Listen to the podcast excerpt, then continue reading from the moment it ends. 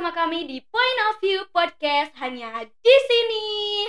Dengan aku Tabe yang akan menemani kurang lebih satu jam ke depan di segmen ngobat atau ngobrol sambil sobat. Tepuk tangannya dong, penonton militan. Iya. Jadi eh, kali ini Tabe nggak sendiri nih ditemani sama seseorang yang sangat keren abis yaitu sama Tum Amik. Tepuk tangannya dulu dong, mana? Terima kasih penonton militan saya. Suaranya Tum Amik cek cek. Cek cek Mantap. meriah. Tum Amik for the first ya. Ya, Nah, ya listeners dan sahabat-sahabati sekalian di rumah dan di mana pun kalian berada dengan gaya apa pun mendengarkan ini, Tumamik ini adalah selaku ketua Komisariat UIN Sunan Gunung Jati cabang Kabupaten Bandung periode 2020-2021 ya Tum ya. Dan di segmen kali ini kita masih membahas tentang kaderisasi eh, yang mencampuri rasa cinta, rasa yang syahdu, gimana caranya untuk berkaderisasi di zaman pandemi, di zaman yang sekarang gitu. Tentunya kan berbeda ya Tum ya. ya, ya. Kalau boleh tahu, Tum Amik sudah berapa lama nih berproses di PMI? Eh, kalau berproses di PMI itu kurang lebih udah mau ke lima tahun. Wah, mau ke lima tahun. Karena dulu Mapaba tahun 2016, dari 2016 semester 1 ya kurang lebih mau lima tahun di PMI. di kader Tum atau keinginan sendiri dapat ilham gitu dari mana gitu? Sebetulnya di kader, Oh, di di kader. kader. Ada dulu cutting di salah satu cutting senior di pesantren, senior di pesantren. Kemudian dulu kiai Hmm. kiai saya juga sempat bilang kalau misalkan eh, santri bapak kalau ke kampus harus masuk PMI jadi ya secara spontanitas ketika di kampus itu kita cari PMI dan alhamdulillah dapat PMI Kabupaten Bandung Iya. Tapi awal-awal tuh kaget gak? Ternyata di PMI di Win Bandung tuh ada dua kabupaten dan kota. Ya jelas kaget dong jelas kaget. Karena oh, ternyata seakan-akan kita melihat ada sebuah dualisme di, di, di Bandung. Tapi ternyata tidak. Itu hanya dinamika biasa karena masing-masing di antara kita punya sejarah panjang. Baik Kabupaten Bandung maupun Kota Bandung kita punya sejarah panjang. Kemudian ya secara historitas ya ini tidak bisa dilepaskan satu sama lain lah. Jadi kita pas tabikul herot saja antara kota maupun Kabupaten Bandung Iya, betul. Sama-sama Hmm. berproses dengan di rumah yang sama gitu Iya. ya, Tum ya. di rumah yang sama rahim yang sama Iya. Tapi Tum boleh cerita nggak sih eh, yang ini kan point of view ya, Tum ya. Hmm. Jadi menurut pandangan Tum Amik sendiri eh, ketika merasakan menjadi pertama kali menjadi kader PMI dulu sama sekarang, apalagi dibutuhkan sekarang tuh pandemi kan, Tum ya. iya iya Iya, makanya eh, banyak sekali pengurus yang agak mungkin jumpalitan dalam menghadapi kaderisasi Ah, di masa pandemi ini gitu. iya iya. Ini aku panggilnya sahabat tabe apa gimana ini? Tabe aja. oh tabe aja. Heeh. jelas jelas berbeda sih be. Jadi sangat berbeda lah jauh. Jadi kita lihat ini ad- ada ada berapa pergeseran atau dis disorientasi. Kita beda zaman. Kalau dulu kita melakukan kaderisasi ataupun eh, mentoring terhadap anggota ataupun kader-kader kita ini mudah karena kan tatap muka dan tidak dibatasi oleh ruang ruang dan waktu. Tapi kalau misalkan hari ini kita dibenturkan di pandemi kemudian kita juga tidak tahu kapan ini selesainya ini malah menuntut supaya kader-kader PMI ini melakukan inovasi ataupun melakukan kreativitas dalam sebuah gerakan terobosan-terobosan baru ataupun role model ini harus kita ciptakan bersama-sama karena pandemi mau tidak mau ini tidak tidak bisa untuk kita jadikan sebagai alasan kita sebagai kader PMI tidak melakukan apa-apa ataupun betul. tidak melakukan kaderisasi Tidak boleh stagnan ya, Tum ya. Iya. Pandemi nggak pandemi kita harus tetap melakukan kaderisasi karena mau tidak mau ya PMI ini organisasi yang berbasis pengkaderan dan jantungnya itu adalah kaderisasi. Tapi sebelumnya tuh boleh kok sambil sebat korek-korek penonton. oke. Soalnya Izin- bebas. Izin sebat ya. Iya, Izin boleh sebat. tuh, boleh. Karena kebetulan saya tidak punya rokok yang masuk gitu. nah, Tum, ada hal yang menarik nih. Eh, mungkin eh, ketika Tum Ami kan sebetulnya juga ketua rayon ketua rayon visi periode 2019-2020 Ya, eh kan kalau dulu nih Tumnya kalau kita throwback dan nostalgia dulu kalau misalnya waktu PBAK di UIN Bandung tuh arak-arakan atau misalnya eh, kita membuka stand-stand mm, mm. atau membuka eh, selebaran atau kayak eh, apa ya kaderisasi kaderisasi yang berbasis banyak hal gitu Iya.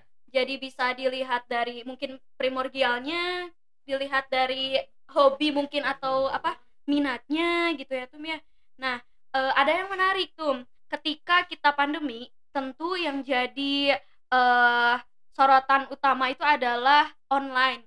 Caranya online daring. Jadi kita perang media sosial gitu. Iya. kemarin kita udah pernah eh, mengundang Tum Gani juga Hmm. selaku demisioner. Eh, lantas pandangannya bagaimana? Nah pandangan Tum Amik sendiri bagaimana nih ke depannya? Kalau kalau ini ya Tum ya nauzubillah medalik gitu pandemi ternyata diperpanjang limitnya. Ya, gimana tuh Tum jangan apa? Jangan perpanjang lah kalau bisa. Cuman terkait pandangan saya sebagai pengurus komisariat yang melihat situasi dan kondisi yang seperti ini apalagi dengan itikat dan ikhtiar yang sangat luar biasa yang dilakukan oleh sahabat-sahabat eh, rayon dakwah dan komunikasi kita menyambut dengan baik kemudian sangat bergembira karena mau tidak mau hari ini ya sahabat-sahabat sebagai pengurus rayon ini sudah melakukan inovasi-inovasi yang terbaru begitu. Karena mau nggak mau kan kita hari kan hidup di era disruption kan. Iya kita hidup di era disrupsi di mana kita hidup di surga informasi kemudian hidup di era yang begitu canggih akan teknologi mau nggak mau kan kita harus mampu menyesuaikan itu. Ya kalau misalkan kita tidak mampu menyesuaikan itu ya siap-siap lah kan. Kita yang akan digilis apa digilas ataupun di, di- Dilindas. oleh oleh zaman tersebut Iya. kan. Nah kan kalau misalkan kita mengingat bersama Mahbub Junaidi salah satu pendiri PMI itu pernah mengatakan bahkan itu sering mengatakan kun ibna zamanik wa kun masolih kuli zamani wa makanin. Jadi kita ini adalah anak zaman. Kita ini adalah anak zaman. Kita ini adalah anak zaman. Anak zaman dan harus mengikuti. mengikuti perkembangan zaman kan bergunalah di setiap zaman dan masamu kan gitu.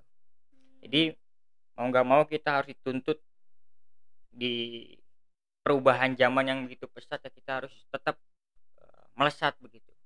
Ya selaras dengan apa yang kemudian menjadi visi misi PB PMI hari ini kan eh, PMII PMI apa kemarin waktu harah saya lupa. Apa guys? Saya juga lupa. Masya Allah. PMI terdepan dan berkemajuan kalau nggak salah itu kan. Iya ya PMI harus terdepan. Ya, harus menjadi navigator setiap perubahan itu PMI jadi nggak boleh kolot apalagi ya hari ini kalau misalkan kita nggak bisa tatap muka kita bisa daring. Ya kita bisa Semisal virtual. seperti ini juga Nah, ya, bisa kita bikin podcast. Kan ini luar biasa salah satu rayon. Rayon pertama mungkin. Rayon Yes. pertama yang punya podcast. punya podcast punya channel YouTube. Ya ya itu luar biasa. Saya sangat mengapresiasi. Terima kasih keren. Pokoknya rayon dakwah keren mengikuti perkembangan zaman eksistensinya luar biasa. Aduh tersanjung. Tapi Tum kalau boleh sedikit curhat ya Tum ya. Eh zaman milenial yang sekarang atau bisa disebut dengan angkatan 20 dan juga angkatannya mungkin Tum Amik lah ya 2016 waktu dulu pasti berbeda cara penya- eh, penyerapan penyerapan kaderisasinya gitu. Ya. Pasti eh, di apa ya ada mode-mode atau metode-metode rekrutmen gitu Tum kayak Ya. misalnya kayak yang sekarang nih jujur ya Tum ya ini Mas sumpah Ya. kalau saya sama pengurus itu di RDK tidak melaksanakan eh, apa namanya itu kaderisasi secara lapangan gitu karena kan susah Hmm. juga walaupun memang ada daftar ulang dan sebagainya itu kan bisa jadi Iya, ladang ya Tum ya cuman kita bermain di media gitu Tum Iya. ini eh, agak sedikit curhat juga kenapa kita membuat podcast pada akhirnya jadi bisa didengarkan juga sama orang yang akan menjadi sahabat dan juga yang sudah menjadi sahabat kita maksudnya yang sudah masuk bisa eh, mendengarkan dan nostalgia apa Hmm. yang sebenarnya dibicarakan gitu apalagi kan ini ruang-ruang diskusi yang baru gitu ya Tum ya Ya. bisa di play bisa di pause lagi bisa maksudnya bisa di apa ya mengertilah ya kalian gitu. dan bisa mendengarkan dengan gaya apa pun kalian bisa rebahan terserah gitu. Hmm. soalnya eh, beberapa riset mini gitu ya Tum ya yang pernah saya laksanakan ke beberapa beberapa eh, mahasiswa baru kebanyakan kuliah daring itu ada yang sambil tiduran atau misalnya duduk kayak gini aja kan di mana pun eh, tempat duduknya di rumahnya masing-masing tidak monoton tidak eh, ya memiliki suasana baru gitu ya Tum ya Mm. makanya kita ya mau tidak mau gitu yang sudah dipaparkan juga sama Tum Amik gitu soalnya apa ya sama tetangga itu kan ya ada perebutan mungkin Iya, iya. ada iya. tarik menarik Ada gitu tarik menarik. pasti karena setiap UKM setiap organisasi pasti melakukan hal yang sama gitu semisal contoh mungkin ya Tum ya ini pandangannya kalau misalnya kita kaderisasi melalui TikTok misalnya itu boleh kan ya Tum ya? Selama Boleh itu bisa. penggunaan dan Boleh. pemanfaatannya tepat gitu ya Tum ya? Boleh itu. Iya. Sangat sangat sangat sangat dibolehkan karena dalam dalam kaderisasi kan ya bicara kaderisasi kan ini ada instrumen. Iya. Ya ada berapa instrumen kaderisasi? Yang pertama kan rekrutmen. Iya. Yang kedua ini ada eh, pendidikan dan yang ketiga ini distribusi, Distribusi. kan itu. Nah, berbicara pola-pola rekrutmen ya kita menyesuaikan saja, menyesuaikan saja dengan kondisi yang eh, saat ini kan begitu. Iya. Ya kalau misalkan eh, hari ini sahabat-sahabat ini dibatasi oleh ruang dan waktu ya mau tidak mau kita harus memanfaatkan atau mengoptimalkan eh, teknologi begitu kan. Iya. Nah, terkadang kan sahabat-sahabat mahasiswa baru ini mereka tahu adanya PMI tidak hanya dari sanak saudara ya, ya apa, tidak tidak hanya tahu dari atau yang saudara tadi eh, ya dari atau Kiai dari Ustaz. gurunya atau kakaknya tidak. Ya terkadang sahabat-sahabat mahasiswa baru ini kan tahu PMI kan lewat media, Media sosial. media sosial, apalagi dengan dengan TikTok. Nah, TikTok kalau misalkan viral, viewersnya banyak kan lalu banyak dilihat orang kan. iya iya. Nah, itu kan kalau nggak salah tahun kemarin juga kan sempat itu pernah pernah pernah dicoba oleh sahabat-sahabat di Kopri Kopri Rayon kalau nggak salah. Mereka bikin konten-konten menarik yang isinya tentang edukasi edukasi terkait gender kemudian seks. Nah itu bisa menjadi daya tarik tersendiri. Oh ternyata nah, ini pengurus Kopri oh ada di TikTok gitu. Oh ini PMI Rayon Dakwah bikin aja ya. selain daripada YouTube kemudian website ya TikTok juga ini perlu. Kalau kalau ya, kalau menurut saya ini perlu. Sangat perlu kalau menyoal oke lah ya sudah lah ya misalnya tuh kita sudah masuk nih kita sudah tergiur eh, sudah terketuk hatinya untuk melaksanakan mapaba artinya sudah sah menjadi kader Map- eh, PMI gitu ya Hmm. nah dibenturkan juga kita sudah anniversary ini tuh ya pandemi gitu by the way eh ada hal yang menarik yaitu pendidikan tadi atau perawatan Iya. gitu ya. nah eh, pasti beberapa eh, pengurus beberapa rayon komisariat bahkan cabang pun memiliki eh, ramuan yang berbeda gitu Iya. nah kalau sudut pandang Tum Amik ketika dibenturkan dengan perawatan dan pendidikan itu seperti apa di masa pandemi kalau misalkan berbicara perawatan ataupun ya mentor kita ya proses mentor ya pertama yang perlu kita garis bawahi adalah PMI ini adalah organisasi terbesar di eh, di Indonesia kan gitu Iya. ya PMI ini adalah organisasi terbesar di Republik ini kita punya punya punya resources ataupun SDM yang begitu luar biasa.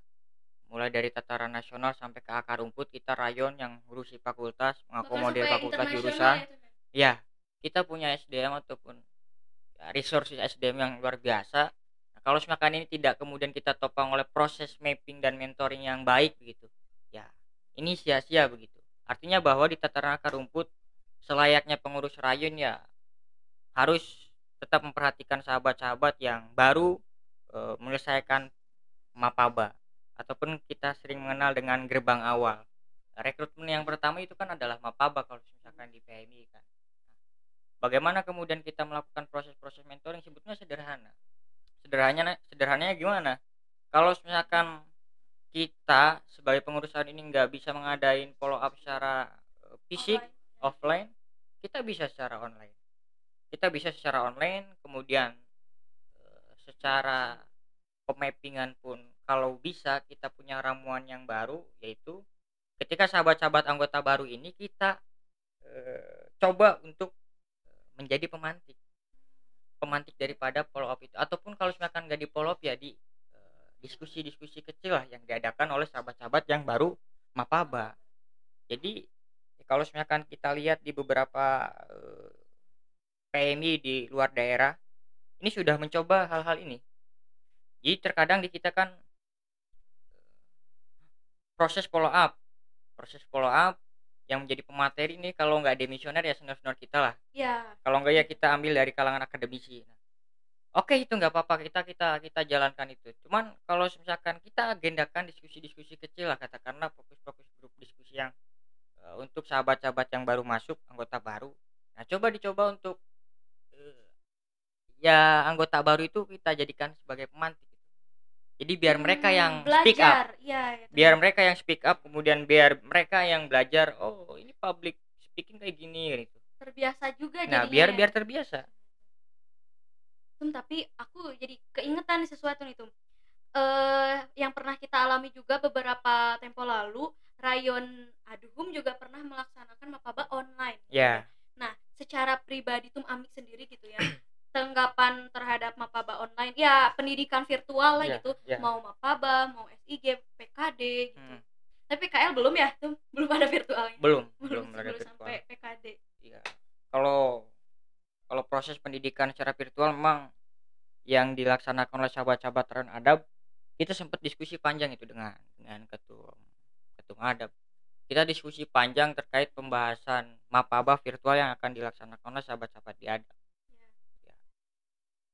Kita memberikan tawaran-tawaran karena awalnya ya pengurus komisariat ingin bahwa sahabat-sahabat di Rayon Adab ini melaksanakan mapaba secara offline. Kenapa kemudian kita menginginkan secara offline? Biar kemudian hidup kembali euforia kaderisasinya. Euforia pergerakannya ini hidup kembali.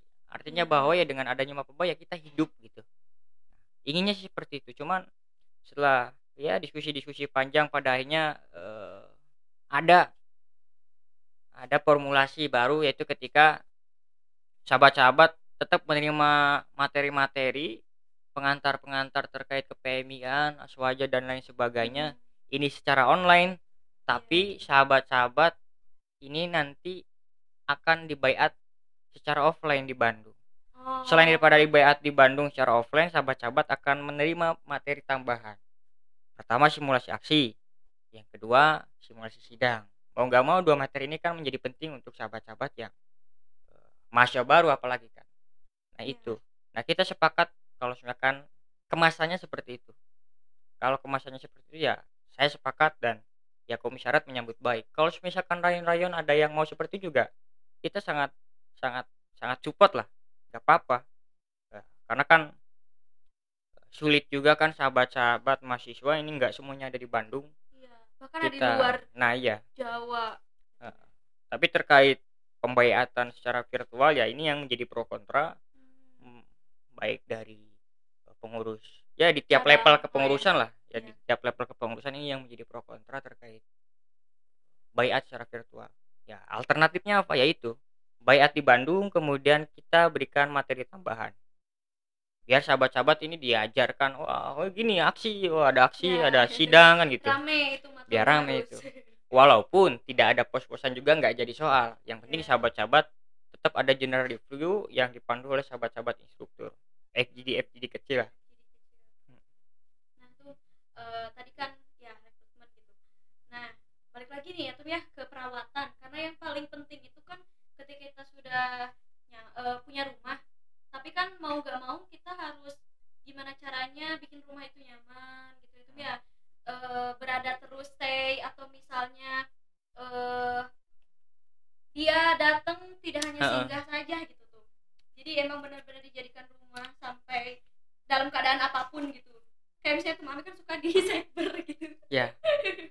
Nah tuh eh, sekarang beda nih jauh gitu. Kalau bisa dibenturkan dengan eh, daring kayak gini mungkin ada pak sudut pandang yang lain gitu untuk Amik mengenai hal ini supaya maba-maba yang baru masuk PMI ataupun yang semester 3 4 ya maksudnya semester yang selain maba gitu eh, baru maba biar dia tuh merasa memiliki gitu ke PMI itu walaupun dengan cara ya virtual gitu. Ya itu pertama tadi. Karena memang sulit ya. Yang yang membatasi kita hari ini ya itu kan jarak. Iya.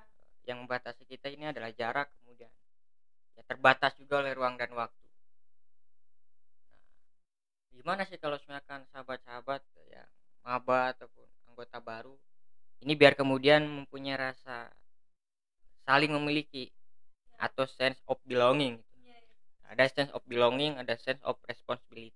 Nah, kalau misalkan sahabat-sahabat secara sense of belonging ini belum terbentuk, ya sulit kalau misalkan sahabat-sahabat juga mempunyai rasa kepemilikan, apalagi merespon satu sama lain berbicara soal organisasi ataupun kaderisasi. Ya ini sulit. Ini harus diawali oleh sahabat-sahabat di pengurus rayon itu sendiri. Jadi pengurus rayon yang harus mengawali itu. Ya kemasannya terlepas lah sahabat-sahabat. Saya kira di pengurus rayon ini mempunyai inovasi-inovasi yang yang keren gitu, yang yang Iya. luar biasa. Ya bisa eh, kita agendakan kalau misalkan sahabat-sahabat anggota kita ini terlalu jenuh dengan diskursus-diskursus yang diadakan rayon apalagi di sekre Iya. ya bisa kita kemas dengan hal yang lainnya kan itu ya kemasannya terlepas lah yang membuat sahabat-sahabat ini nyaman. Nyaman. yang terpenting kita sebagai pengurus rayon kan masuk saja dulu lewat emosional. Ya. Kita masuk eh, lewat eh, pintu mereka kemudian kita keluar. Kan gitu. Dan menggunakan via udara juga Nah, ya. bisa itu bisa. Makanya ya saya ingatkan kembali kepada sahabat-sahabat di pengurus rayon ya jangan lupa untuk untuk melakukan komunikasi ke anggotanya ya dosa sosial apabila kita sebagai pengurus rayon atau eh, cutting ketika kita dulu pernah mengajak teman ataupun adik tingkat untuk mapaba kemudian mereka sudah mapaba setelah mapaba kita lepaskan tidak kita komunikasi kembali tidak say hello ya Iya. minimal kita komen-komen lah di snap nya itu kan menjadi penting Replayan ya, Tem ya. ya itu jadi kan awalnya kan sahabat-sahabat ketika belum apa-apa kan ini katakanlah sebagai domba-domba yang tersesatkan itu kan Iya kata di misioner kalian Eh, ya ketika sudah masuk ya tetap menjadi domba yang tersesat karena ya tidak diarahkan Iya. tidak Tidak diarahkan dirawat. tidak dirawat Tidak disambung kalau kayak dirajut gitu ya, Tem ya. tidak dididik kan Tidak itu dididik. itu dosa sosial bagi kita Hmm. Nah, Tum ya terkait perawatan itu sendiri bisa eh, dengan menggunakan sekarang kan ya diskusi-diskusi secara virtual itu masif sekali ya, Tum ya. Mau itu di rayon, mau itu di komisariat, mungkin di cabang yang lain pun sekarang sedang gencar-gencarnya bahkan dalam satu hari waktu awal-awalan pandemi itu bisa beberapa rayon melaksanakan eh, diskusi di Google Meet Mm-mm. ataupun di eh, apa Zoom gitu. Itu kan jelas fenomena yang sangat berbeda gitu. Jadi kayak terlihat eh, semangat sekali gitu mereka melaksanakan diskusi-diskusi tersebut da- dengan pemanfaatan waktu dan ruang gitu ya Tum ya ya cuman kalau boleh nggak sih eh, Tum cerita ya kalau Tum eh, Amik dulu eh, mau ke sekre maksudnya tuh kayak diskusinya tuh setiap hari kah atau apa gitu tuh kalau pengalaman sekali. ya kalau pengalaman saya dulu waktu di di rayon ketika nerima chat dari salah satu cutting ataupun senior kita di rayon itu berasa gimana gitu. Wah kita di chat nih sama sama pengurus rayon jadi mengharuskan saya ini untuk datang, datang ke, ke, acara. sekre ya. Ke, ke acara diskusi itu ataupun ke sekre rayon mengharuskan kita untuk datang. Nah berbeda dengan sahabat-sahabat hari ini. Ketika Hmm. dikomunikasi mungkin ada saja satu ataupun dua di antara kita yang ketika ngechat sahabat-sahabat eh, mungkin di read saja ada. Eh, nggak Saya dibaca pengalaman tuh. Nggak dibaca kan itu nggak dibaca. Terus kemudian atau bahkan Eh. langsung di draft tuh. Slow respon Slow kan itu slow iya. respon ya ya fenomenanya itu seperti itu hari ini. Berbeda dengan ya yang dulu. Ketika kita di chat ya ini generasi saya dulu tuh. Ketika di chat eh, dulu masih ada zaman BBM sama lain ya ketika di P langsung merapat ke rektorat. Kita merapat ke rektorat. Nah. gitu ya. Lalu ada salah satu cara yang membuat sahabat-sahabat ini yes agak agak terbentuk secara sense of belonging sebetulnya. Ada ada ada ada ada cara yang mungkin bisa membentuk sahabat-sahabat supaya mempunyai rasa cinta ataupun rasa kepemilikan terhadap organisasi ini. Ya, coba sahabat-sahabat di pengurus rayon ini memberikan ruang. Sahabat-sahabat di pengurus rayon ini memberikan ruang untuk adik-adik kita katakanlah semester eh, Bawah dua dua. semester empat kan itu ataupun maba kita memberikan ruang-ruang aktualisasi terhadap kader kita memberikan ruang-ruang aktualisasi terhadap anggota ruang aktualisasi terhadap kader dan anggota tidak hanya ruang-ruang distribusi saja Iya, tapi ketika sahabat-sahabat anggota kita ini diberikan ruang katakanlah ya untuk speak up saja untuk speak up di rayon ya, di dikasih ruang untuk ngisi diskusi ke eh, teman-teman seangkatannya ataupun eh, ngisi yang lainnya begitu pun iya. Nah. Eh, oke lah itu ya.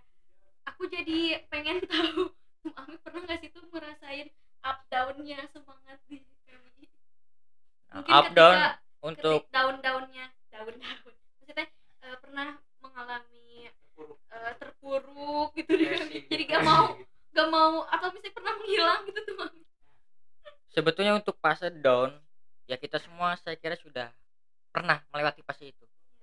Ya kita kadang merasa down di PMI eh, merasakan fase kejenuhan kita mau ngapain wah ngapain kita ber PMI oh terlalu jenuh di PMI pernah itu dulu waktu semester berapa itu? Kalau nggak salah semester 3 atau semester 5 ya lupa lah itu. Pokoknya ada lah ada ada semester yang kadang semester itu ya menjadi ruang kejenuhan bagi kita kan itu. Ada ada.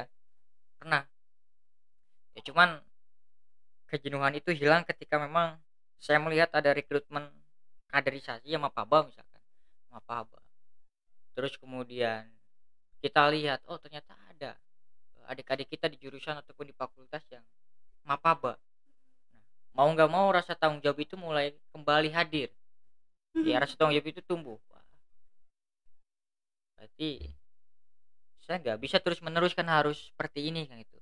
Down jenuh kemudian menghilang dari peradaban misalkan. Oh, jarang ke sekre kemudian jarang ikut diskusi kan. Ngapain?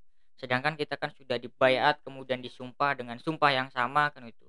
Bayat yang sudah kita ucapkan secara bersama-sama dan janjinya itu tidak hanya sesama manusia tapi kan dengan Tuhan kan itu nah makanya sahabat-sahabat ya harus harus jujur terhadap sumpah dan bayat sahabat-sahabat. Kita harus harus menepati itu.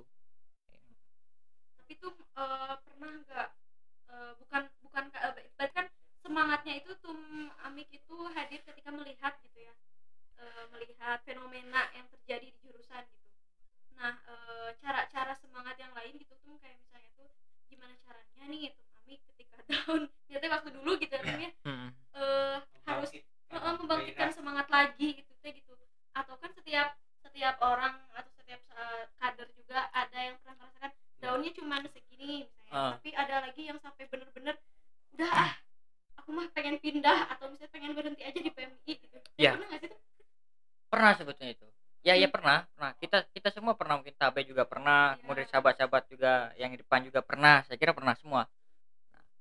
terkait apa yang kemudian yang membuat bangkit kan sebetulnya ada dua. Jadi kan kalau misalkan kita nggak bangkit sendiri ya kita dibangkitkan.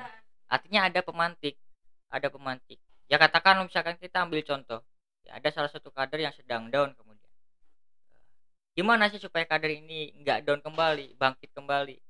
Eh, secara semangat secara giroh ini eh, semangat kembali gitu kan dalam Iya. berproses di PMI ada dua sebetulnya kan. Kalau misalkan nggak melalui kesadaran diri sendiri ya ini terpantik ya terpantik mungkin oleh sesama teman seangkatan kemudian pengurus Ya, ada tim solidnya ya, gitu ya ada Tim, tim ya. solidnya kan ataupun demisioner seniornya kan gitu Ya. jadi eh, dua ya bangkit sendiri melalui kesadaran ataupun ya terpantik ya kalau saya kan karena dulu memang proses mappingnya eh, mungkin bisa dikatakan maksimal jadi ketika saya sempat down dulu waktu waktu bocil itu waktu bocil bocil map apa bocil bocil Bocil-bocil. maba itu kan ya ketika labil-labilnya di organisasi ya ada yang memantik semangat kan itu ya, ya ada salah satu cutting ya tetap melakukan proses mapping jadi sebetulnya bicara soal kaderisasi ini hanya bicara soal ruang dan waktu sebetulnya Iya, Tabe.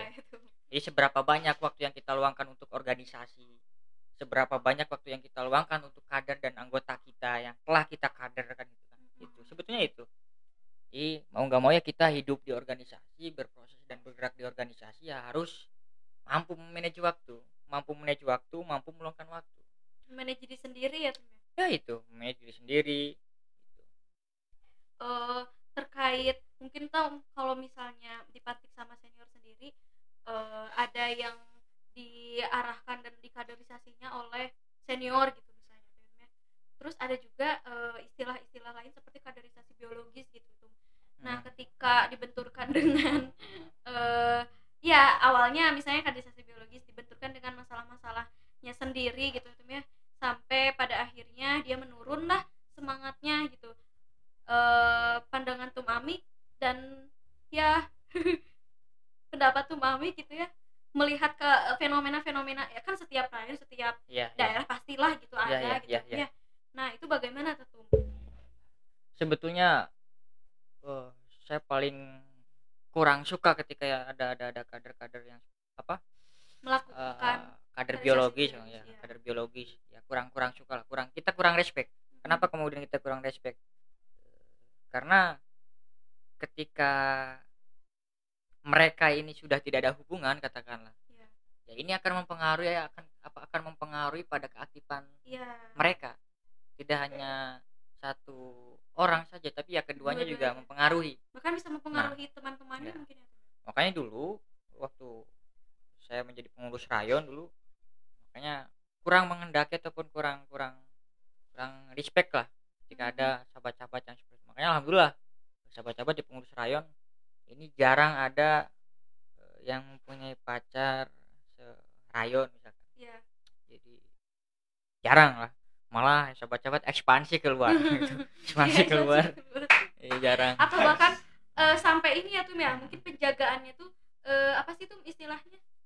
Eh apa sih yang si Nadif nih tuh Oh, ya. Beracas ya ya jadi ya ketat lah itu ketat bisa lah. jadi ini ya penjagaan ya Tum ya? Iya. bisa itu jadi eh, sahabat-sahabat harus punya komitmen satu sama lain sebetulnya. Kalau misalkan iya eh, kita dipertemukan di ruang yang sama misalkan ada cinlok atau Ya, apalah gitu. cinlok. kita harus punya komitmen. Jadi kalau misalkan kalau misalkan sudah tidak ada hubungannya kita komitmen saja. Komitmen Profesional ya ya, ya. profesional. Ya, komitmen kita terhadap organisasi ya profesionalitas kita ya terhadap organisasi jangan kemudian ini berpengaruh terhadap keaktifan kita di organisasi Nah, ya saya kurang kurang begitu respect sebetulnya karena kan kadang kan ya kopra-kopra yang agak nakal lah Eh, kadang suka speak speak apalah itulah Ya. kurang Mm-mm.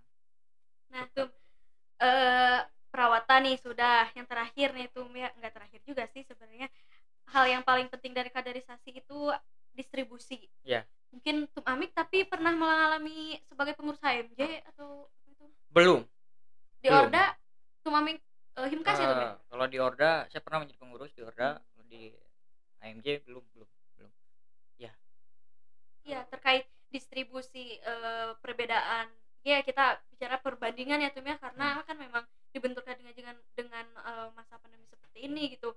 Ketika ruang-ruang distribusi ini dijadikan alasannya pandemi, lantas eh, ketika misalnya kan kalau dulu nih Muskom, Muskom tuh sampai ber apa sih dipersiapkan di sekre atau bahkan di sekber gitu ya Tum ya. Eh, sangat matang gitu. Iya. Tapi kalau bisa dibenturkan dengan pandemi ini bagaimana ya tuh ya pandangan Tum Amik gitu. Iya. Bahkan sidangnya juga kan On- Online. online ya online ya kalau misalkan kita dibenturkan pandemi kan jadi kan yang yang yang pertama tadi yang pertama tadi yang sudah saya sampaikan bahwa eh, pandemi nggak pandemi ya organisasi ini harus tetap bergerak. Harus tetap berjalan dengan semestinya. Pandemi berjalan apalagi nggak pandemi. Makin berlari kita kan gitu. Ya katakanlah pada saat ya kita berjalan ini. Ada pandemi kita berjalan. Kalau misalkan nggak ada pandemi ya kita makin berlari seharusnya. Karena kita sudah melewati fase-fase ya di mana ya fase ini ya kita ditantang oleh berbagai rintangan gitu. Baik eh, secara kaderisasinya kemudian pola perawatannya yang mengharuskan kita melakukan hal-hal baru kan gitu. Ya rintangan-rintangan ini ya ini sudah kita lewati bersama. Sampai hari ini pun ya kita tetap melakukan itu. Terkait ruang-ruang distribusi ini perlu yang perlu digarisbawahi sahabat-sahabat. Ya berbicara ruang-ruang distribusi memang kadang ini ada misperception ada mispersepsi di antara kita sebagai pengurus maupun kader di akar Iya, rumput. kadang ada mispersepsi bahwa ada yang menilai bahwa oh, kok kenapa kita eh, organisasian hanya membicarakan politik kampus misalkan. Nah, ini perlu diluruskan bila perlu sahabat-sahabat ini perlu di PKD-kan agar kemudian secara kesadaran ini terbentuk. Jadi harus dimulai dari kesadaran sebetulnya. Ya Paulo Freire pernah mengatakan bahwa kita punya tiga kesadaran. Pertama kesadaran kritis, naif dan magis kan. Pertanyaan sederhana, di mana kesadaran kita? Di kritis kah, naif kah ataupun magis? Selain daripada itu kan kita harus punya kesadaran politis. Kesadaran politis ini harus terbentuk sahabat-sahabat di tiap-tiap uh, jurusannya ataupun rayonya. Karena ruang-ruang distribusi betul ketika hari ini saya melihat fenomena baru yaitu ketika membludaknya sahabat-sahabat anggota baru misalkan eh, ini selain daripada perlu kita didik kan perlu kita distribusikan. Ya kan ini anak orang ini perlu kita eh, distribusikan Rawat, kita iya, rawatnya itu kita sediakan ruang-ruang aktualisasi buat mereka kan itu. Jangan kemudian kita menutup ruang aktualisasi kita harus menyediakan ruang-ruang aktualisasi buat mereka. Ya bisa kita mendistribusikan di kampus di lewat di intra di inter intra parlementernya di HMJ SMA kemudian Dema UKM UKK terus Orda kemudian juga. Orda bisa jadi. Nah terus kemudian selain daripada itu ada semacam lembaga-lembaga dakwah ataupun yang lainnya. Kalau misalkan ada salah satu kader-kader kita yang punya kapasitas dalam melakukan dakwah ya kita distribusikan. Kita dorong biar kemudian sahabat-sahabat ini ikut LDK LDKM dan menggali potensi Ya, gitu ya itu. menggali potensi. Biar kemudian sahabat-sahabat juga ini mendakwahkan Islam-Islam yang rahmatal alamin misalkan. Ya kan? Iya, Islam-Islam yang wasatiyah gitu. Jangan, jangan kemudian kita berdakwah di internal PMI saja begitu sahabat-sahabatnya harus ekspos keluar Iya, harus kita dorong. Kalau misalkan ada di antara kita mengatakan bahwa ini eh, di LDK apa di lembaga-lembaga kampus ya di lembaga-lembaga kampus ini kebanyakan diisi orang-orang minhum misalkan Iya. ya, orang-orang lain. Ya kenapa kita tidak isi? Kita dorong. Iya, ya terkait perebutan struktural kampus ini perlu dipersiapkan oleh sahabat-sahabat. Perlu dipersiapkan. Artinya bahwa pandemi nggak pandemi kita harus tetap bergerak. Iya. ya segala sesuatunya kita harus persiapkan jauh-jauh hari jangan kemudian kita persiapkan apa persiapannya kurang-kurang matang kemudian hanya sehari satu malam keesokan harinya kesiangan kan gitu ya. Iya. ini ini ini fatal. Tapi upaya upaya ya Hmm. ketika dulu kan ya yang tadi eh, aku pernah eh, sampaikan juga kalau dulu berbeda gitu kan sama yang sekarang. Nah waktu tum amik lengser di rayon itu udah pandemi. Belum tuh. Apa waktu waktu lengser itu udah kan telat, telat udah pandemi pandemi ya udah pandemi. Berarti masih ada waktu di mana tum amik eh, punya maksudnya eh, apa waktu tanggung jawabnya gitu ketika pandemi itu. Iya. dan eh, upaya ketika pendistribusian ini nih secara virtual kah atau bagaimana? Upaya waktu itu tuh mami gimana gitu? Nah secara pendis apa ke- kepaksa aja gitu ke Bandung gitu? Nah. Mau gak mau gitu? Ketika itu memang sudah virtual sudah sudah eh sudah virtual sudah sudah apa Pandemi. sudah pandemi. ya kita kita mengawali dengan dengan ya dengan pola-pola baru sebetulnya kan. Kita mengikuti mengikuti yang lainnya ketika ada diskusi online kenapa kita tidak melakukan diskusi online kan ya, sahabat-sahabat kita tuntut untuk di apa untuk untuk bikin zoom kemudian google meet. Ya sahabat-sahabat semua dituntut untuk itu. Ya pernah kita pakai eh, live streaming di IG pernah kita. Ya terkait berbicara soal pendidikannya. Ya terkait terkait apa namanya terkait proses distribusi ataupun sikap respon kita dalam menghadapi momentum-momentum ya politik ataupun hal-hal lainnya. Ya sahabat-sahabat ini harus harus tersentrum. Sahabat-sahabat harus tersentrum. Mau nggak mau sahabat-sahabat yang ada di rumah ya kita tarik lah. Kita ajak untuk ke Bandung aja dulu ke Bandung aja dulu walaupun sebentar.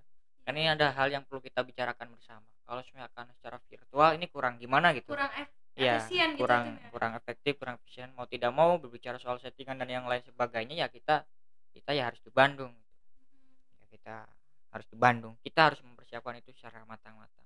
I pengurus rayon harus mampu menginterferisir ya interpe menginterferisir sahabat-sahabat yang punya potensi kemudian kapasitas ya kredibel.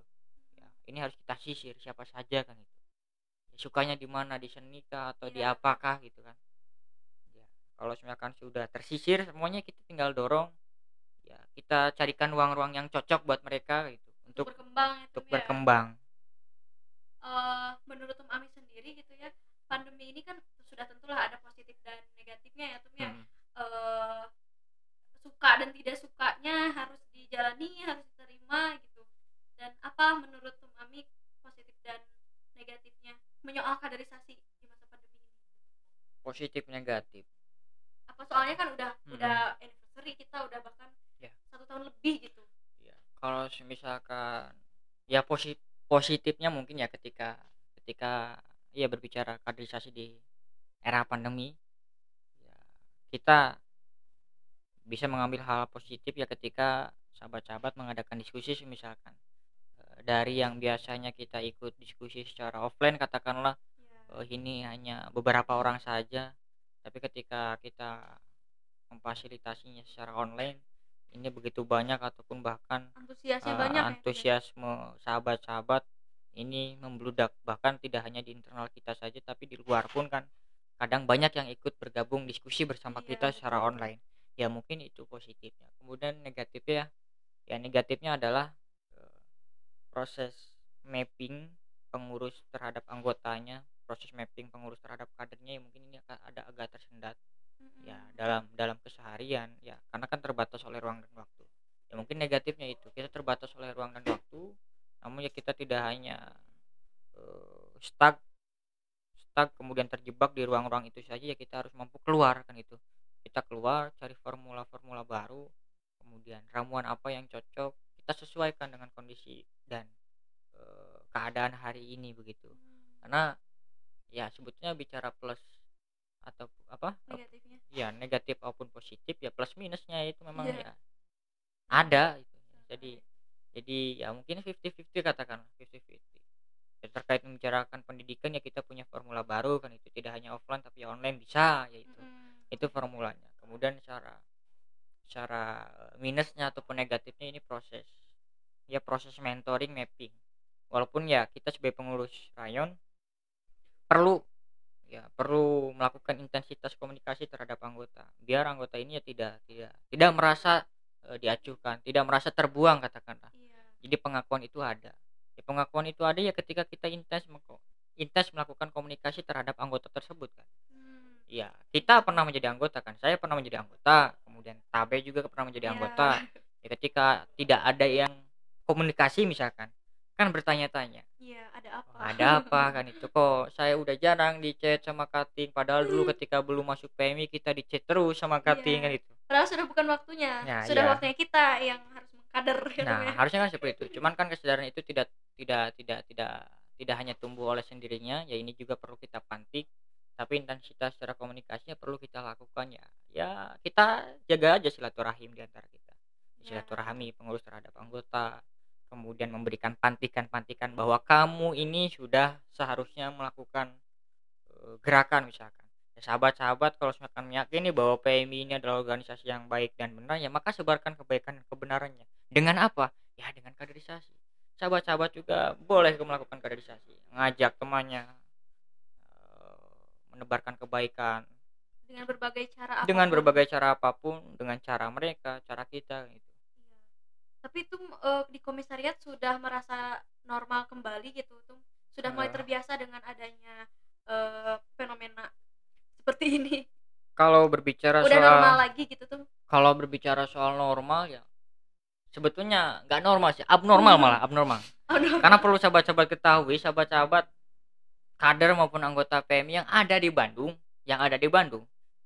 Kalau komisariat itu yang ada di Bandung ya, ya pengurus pengurus komisariat lah BPH lah, BPH ada ada di Bandung. Nah, kalau di tataran rayon-rayon yang ada di Bandung itu adalah pengurus rayon. Pengurus rayon itu yang ada di Bandung. Anggota mungkin adalah satu ataupun dua. Artinya apa? Artinya tidak keseluruhan sahabat-sahabat anggota dan kader PMI yang dalam naungan Komisi Gunung Jati cabang Hutan Bandung ini semuanya ada di Bandung. Enggak. Jadi ya keadaannya seperti ini keadaannya seperti ini adanya makanya jar apa nggak nggak heran kalau misalkan sekre sekre rayon ini sepi. Iya. kemudian sekber juga sepi kan Iya. itu. Makanya selesai ya tuh ya. Hmm. makanya kita yang harus menghidupi. Ya, coba rayon yang masih ada di Bandung eh, ngadain sahur on the road atau apa ke door to door door to door ke sekre sekre eh, rayon yang lainnya kan itu. Biar biar ramai kembali sekre itu. Dan sekber. Sekber itu. lagi sekber. Tapi eh, mungkin kendala yang pernah dialami juga sama ya mm-hmm. waktu kita mengal apa mengadakan kegiatan di sekber yeah. dan dibenturkan oleh satgas. Ya memang itu sih. Jadi kendalanya itu. Jadi waktu ya uh, kadang kadang sahabat-sahabat PM ini uh, bandel juga sih. Ya sahabat-sahabat PM ini bandel. Malah kita Maaf. sering sering mengingatkan bahwa ya coba uh, jangan berisi jangan mm. berisik, jangan terlalu berisik karena kita ini uh, numpang, numpang numpang di tempat orang katakanlah dan ada orang lain Iya. di situ ada akam sih di sini ya itu Wah sahabat-sahabat berisik jangan-jangan berisik kemudian jaga jaga ya tata krama dan lain sebagainya yang enggak yang yang kosannya deket nggak usah bawa mok nggak usah bawa Motor, motor ke sekber kena herin kan nggak ada biar tempat olahraga parkiran. aja gitu ya tuh Ya itu.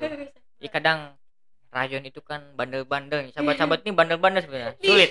di Heeh, warning nih buat Iya. listener dan sahabat-sahabat nih. Heeh, jadi kalau ke Himbauan. sekber Heeh. himbauan ini mah garis keras. Seluruh rayon dari kecil karena kan nggak semua sekre ini diterima dengan baik di lingkungan masyarakatnya kan. Ya ada satu dua ya sekre-sekre ini kurang diterima di ya. masyarakatnya. Karena kan ya mungkin gaduh berisik ini kader-kader PNI berisik terus. Hmm. cuman ya kita harus menyesuaikan itu. Cuma kemarin juga kan kita komunikasi ya batasnya memang jam 10 Ya. 10 ke atas jangan terlalu berisik. Berisik. kalau 10 ke bawah ya sahabat-sahabat silahkan mau berisik juga. Ya itu sebetulnya. Tapi cara untuk mempercayai eh, apa namanya masyarakat supaya balik lagi ke keadaan dulu gitu. Kayak eh, kita berkegiatan berdampingan juga dengan masyarakat Nah, itu lobbying juga merenya tuh ya kemarin tuh Mama. iya iya itu. Itu. Ya saya kira ini sahabat-sahabat di rayon dakwah eh, diterima baik lah oleh masyarakatnya. Karena kan sahabat-sahabat rayon dakwah sering ngadain yasinan kan itu. Jadi, alhamdulillah. eh, jadi terpantau. Mantap. terpantau. Ini eh, terakhir nih Tum ya. Closing statement mengenai kaderisasi menurut Tum Amik saat ini gitu closing statement closing statementnya apa ya? Bingung. Sepatah quotes Nah, ini aja pesan-pesan Tum Amik. ya kepada sahabat-sahabat di sana. Ah, ah, ya gitu untuk untuk sahabat-sahabat ya harus intinya tetap semangat sahabat-sahabat harus tetap semangat. Harus Jangan- tetap semangat. jangan lupa jangan lupa sahur kan itu karena jangan kita lupa baca buku ya. jangan lupa baca buku. Karena itu kan budaya yang sedikit-sedikit mulai memudar ya Tum. iya iya itu itu budaya yang mulai mulai memudarkan. Ya pacaran boleh-boleh saja asal jangan lupa bacaan kan itu kan. Ah, itu, itu, bisa di kode keras. Itu.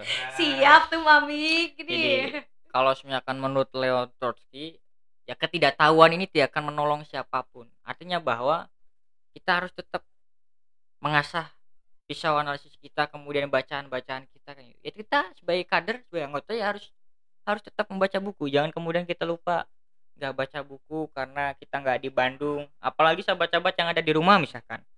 Waktunya banyak ini sahabat-sahabat yang dari rumah. Coba maksimalkan dengan baca buku. Ketika sudah membaca buku ya kita baca realitas sosial misalkan. Baca keadaan sosial. Walaupun Kalau- membaca iya. bukunya PDF iya nggak apa-apa PDF juga kalau misalkan ada hal yang mengganjal kemudian ingin dituangkan sahabat-sahabat menulis kan itu kan? Ya harus menulis. Biar hidup ketika meninggal masih ada ya yang ada. harus dikenang. Ada bekasnya kan ada pepatah yang mengatakan kalau ya mungkin pepatah-pepatah di kalangan PMI kan kalau misalkan kamu ingin ingin mengenal dunia membacalah. Kalau misalkan kamu ingin dikenal dunia menulislah kalau kamu ingin keduanya ya ber-PMI lah kan itu masya Allah. Jadi ya sahabat-sahabat harus itu. Kader Rayon Dakwah itu ada yang jadi jurnalis. Itu Ya. harus dioptimalkan. Ada salah satu kader Rayon Dakwah Agung kan itu. Dia salah Ya. satu jurnalis di NU Jabar Online. Masya Ya. Allah. Coba sahabat-sahabat kirim Agung, eh, tulisan. Agung agung agung. Coba sahabat-sahabat kirim tulisan misalkan. Eh, Rayon Dakwah menyambut Ramadan Rayon Dakwah misalkan gelar apa gitu Gelar Eh, tikar. gelar tikar bisa itu. Rayon dakwah dan komunikasi berbagi takjil pos dan ujabar online pencitraan dulu weh Iya. Gak apa-apa di di di, positif. positif apa-apa, positif. iya, di di era 4.0 ini kan di era disrupsi ini kan yang bermain adalah perang media Perang media, betul. yang bermain ini adalah framing jadi ya mau nggak mau kita dituntut harus bisa melakukan framing framing di media sosial kan itu Betul, betul. Hah, tidak terasa tuh sudah mau satu jam Ya. ini mungkin diakhiri saja tuh Sudah. Iya. podcast ya podcast kali ini semoga sahabat-sahabati ya tidak semoga sih karena eh di segmen kali ini memang sangat berisi dan di di apa namanya dihadiri oleh eh, pemateri eh, bukan pemateri narasumber dan ditemani tapi ditemani oleh seseorang yang sangat keren pokoknya mah jadi jangan lupa untuk selanjutnya eh diikuti terus stay tune terus di platform eh, podcast Rayon Dakwah dan Komunikasi serta di channel YouTube-nya juga nanti bakalan tayang dan juga mungkin di IG live-nya Rayon Dakwah juga jangan lupa di eh, cek-cek kembali. Tumamik. Ya, Kalau bisa kalau ada IG, Boleh, IG, boleh. Bisa disebutin aja IG. ya IG Amik Fahmi underscore silakan sobat-sobat barangkali Ya, mau barangkali kan kalau ada yang mau para kopri-kopri. mau ma- baru mau mapaba mungkin ya Ya. Ya ingin kepo-kepo nih siapalah sosok Tum Amik ini nah maka mangga stalking stalking dan semoga mungkin eh, di podcast kali ini bisa menjadi ruang-ruang dialektik baru dan juga menjadikan sebuah perawatan baru lah di PMII. Semoga senyum Tuhan selalu menyertai aktivitas kita selaku Khalifah di muka bumi hingga nafas terakhir tersenyum berpapasan Tuhan. Terima kasih kepada Tum Amik yang sudah hadir sama-sama di turun studio min- di studio Eh, mini kami. Jangan hat- kapok ya Tum ya. siap hatur nuhun Rayon Dakwah keren pokoknya keren RDK luar biasa Masya Allah. Ya sudah kita tutup saja. Wallahumma fiqil Wassalamualaikum warahmatullahi wabarakatuh. Waalaikumsalam.